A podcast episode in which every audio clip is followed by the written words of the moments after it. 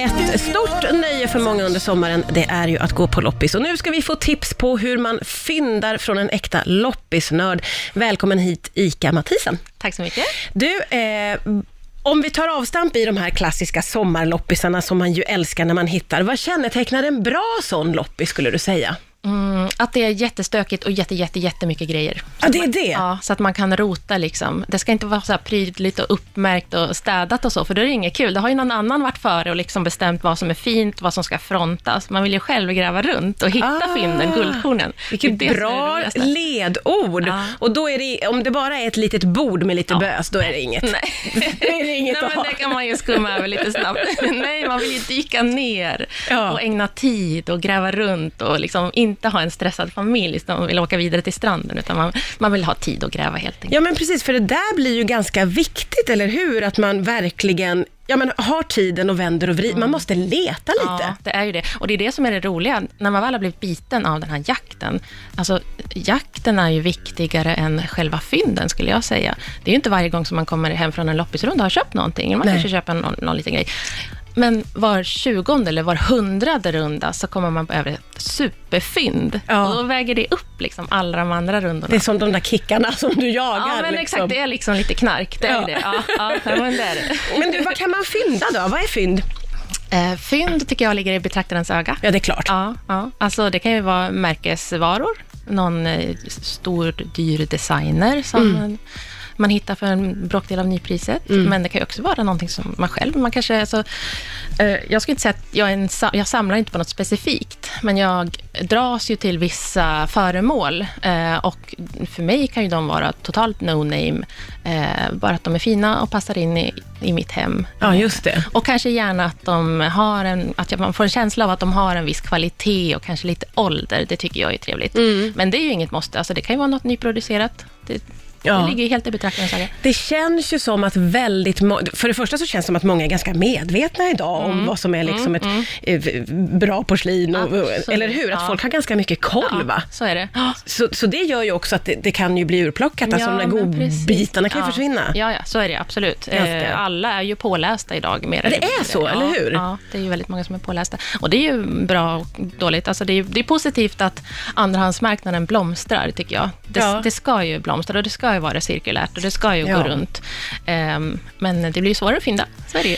Ja, och även de som säljer har ju koll på vad vissa grejer Ja. kan vara värda Ja, då. absolut. Så det är kanske är svårare att göra fynden. Men just det här med, jag får känsla av att väldigt många är inne på porslin och glas. Ja, jo, men det är det väl, för det finns ju sån stor produktion. Det finns ju enormt mycket. Ja. Alltså det, Sverige har ju producerat väldigt mycket glas och porslin genom åren och haft en fantastisk eh, eh, designperiod också, Ja. tänker 50-60-tal, som många är så förtjusta i. Ja. Ehm, så att det finns ju en, stor eh, guld, guldgruva att gräva ur, kan man säga. Ja. Så det är ett tacksamt samlarområde. Ja, ja men verkligen.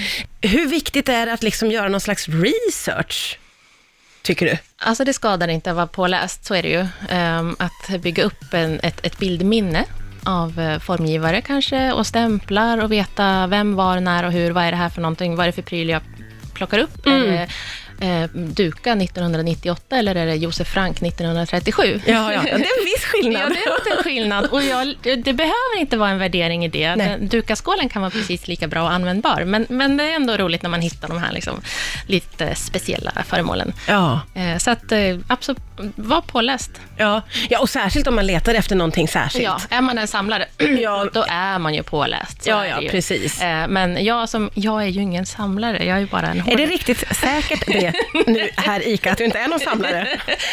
Ja, Okej, jag är ingen samlare så att jag samlar på en specifik serie eller en specifik formgivare.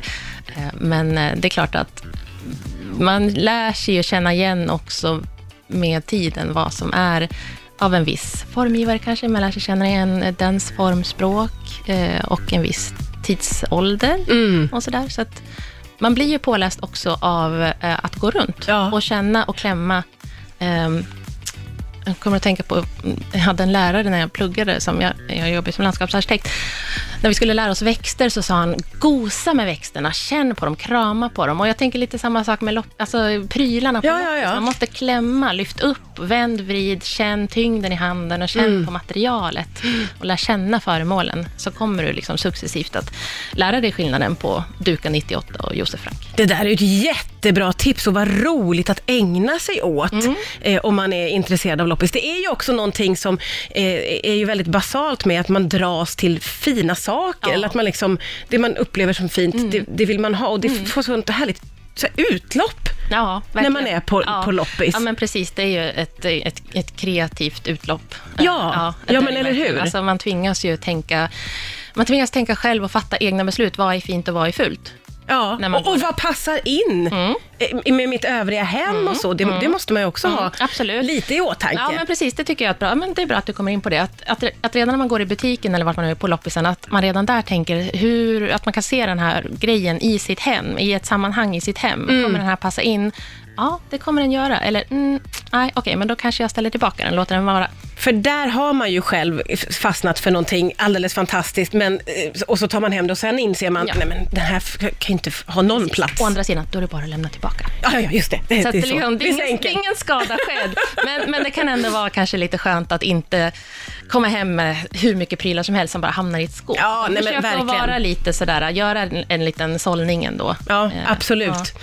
Du har ju ett framgångsrikt eh, Instagramkonto och vi pratar just om det här under låten, att det finns ju väldigt mycket inspiration att få där ute, för det är många eh, som har den typen av konton. Eh, eller hur? Ja, men det är så roligt. Jag har varit ganska ensam i mitt det här intresset och det är ju bara de senaste åren som loppis har seglat upp och blivit trendigt och rumsrent, skulle jag nästan vilja Ja. säga. Innan har det varit liksom lite sådär eh, pinsamt och sunkigt. Liksom. Eh, så jag tycker det är fantastiskt att plötsligt jag har hittat liksom, en klick med människor som delar mitt intresse. Och, Ja. och jag får se vad de fyndar och de tittar på vad jag fyndar och det är lika roligt på båda hållen. Alltså, det är fantastiskt. Det där är ju väldigt intressant, för jag är likadan. Eh, jag kan ju älska att titta på andra samlingar, även om jag själv inte samlar på Ja, det, så tycker precis. man att det är kul. Precis, det, är liksom, det fyller behovet på något sätt. Jag behöver inte äga alla grejerna själv. Det räcker med att se någon annans fantastiska Ja. samling. Och det är också lite sunt, tänker jag. Ja, ja, men precis, annars skulle du ju inte gå och bo där hemma. Balla ur. Skulle balla ur helt och hållet. Eh, och, och vi nämnde också det, för en sak som brukar dyka upp på sommaren är ju bakluckeloppisar som Mm. är fantastiskt, men det kanske vi inte kan förvänta oss den här sommaren. Nej, jag tror faktiskt inte det. Eh, Med corona så tror jag att det kommer att vara... Precis. Men man får hålla utkik efter sådana små eh, hemmaloppisar som folk har. Absolut, det är ju det roligaste att åka genom sommarsverige på landsvägarna och så stanna! Loppisskylt! Hur många gånger har du tvärnitat? Oj, oj, oj, oj, oj, oj, oj, oj. Ja, tänk, tänk om man fick ägna hela semestern åt att gå på loppis. Alltså, vilken. Ja, det där är, det är ju en väldig dröm. Eh, vi sa ju det inledningsvis, att det finns också mycket på nätet idag. Vad säger du om det då, att liksom försöka fynda på nätet? Det går säkert, men jag personligen tycker att det är svårare. Därför att, jag menar, ja, antingen så är det utlagt för ett högt och förmodligen rättvist pris, men kanske inte det man själv vill, som fyndare Nej. eh, vill betala. Eh, Och handlar det om auktioner, ja men då är det ju massa andra duktiga pålästa personer som vet precis vad det här är och vad det är värt. Eh, Så det kan dra iväg lite Ja, i pengar. precis. Och jag, ja, jag, jag, jag personligen tycker att det är roligare att handla fysiskt. Mm. Eh, Men också för att man kan känna och klämma och titta och vrida och vända och själv göra en bedömning. Man, det kan stå i annonsen att den är felfri, eh, men det kanske är i, i, i säljarens ögon. Ja. Det där lilla nugget, det, där, det, det, det räknas inte. Nej, just men det, det. kanske jag tycker ser tråkigt ut. Ja, och är det något porslin så kan ju sånt vara helt avgörande. Ja, om det är någon precis, särskild formgivare som man vill ha, så då måste man vara petnoga naturligtvis. Nej, men jag, jag är verkligen för det här med att klämma och känna och liksom titta på undersidan. Eh, speciellt när det gäller glas då, eller vaser. Alltså har den, är, den, är det en repig undersida, mm, ja, men då är det en indikation på att det här är något gammalt. För Det här har stått och Mm. slitits under många år. Ja, just det. Eh, eller är det något som känns alldeles splitternytt, men eh, är tillverkat i en eh, retrostil till exempel. Ja. Mm, ja, men då kanske jag ställer tillbaka. Ja, men där har vi verkligen fått med oss någonting. Man ska klämma och känna klämma och känna. ordentligt på sakerna när man ger sig ut i loppis-Sverige. Gosa med prylarna. Gosa med prylarna. Så jättekul att du kom hit. Tack Ja, snälla, Ica tack Mathisen. själv.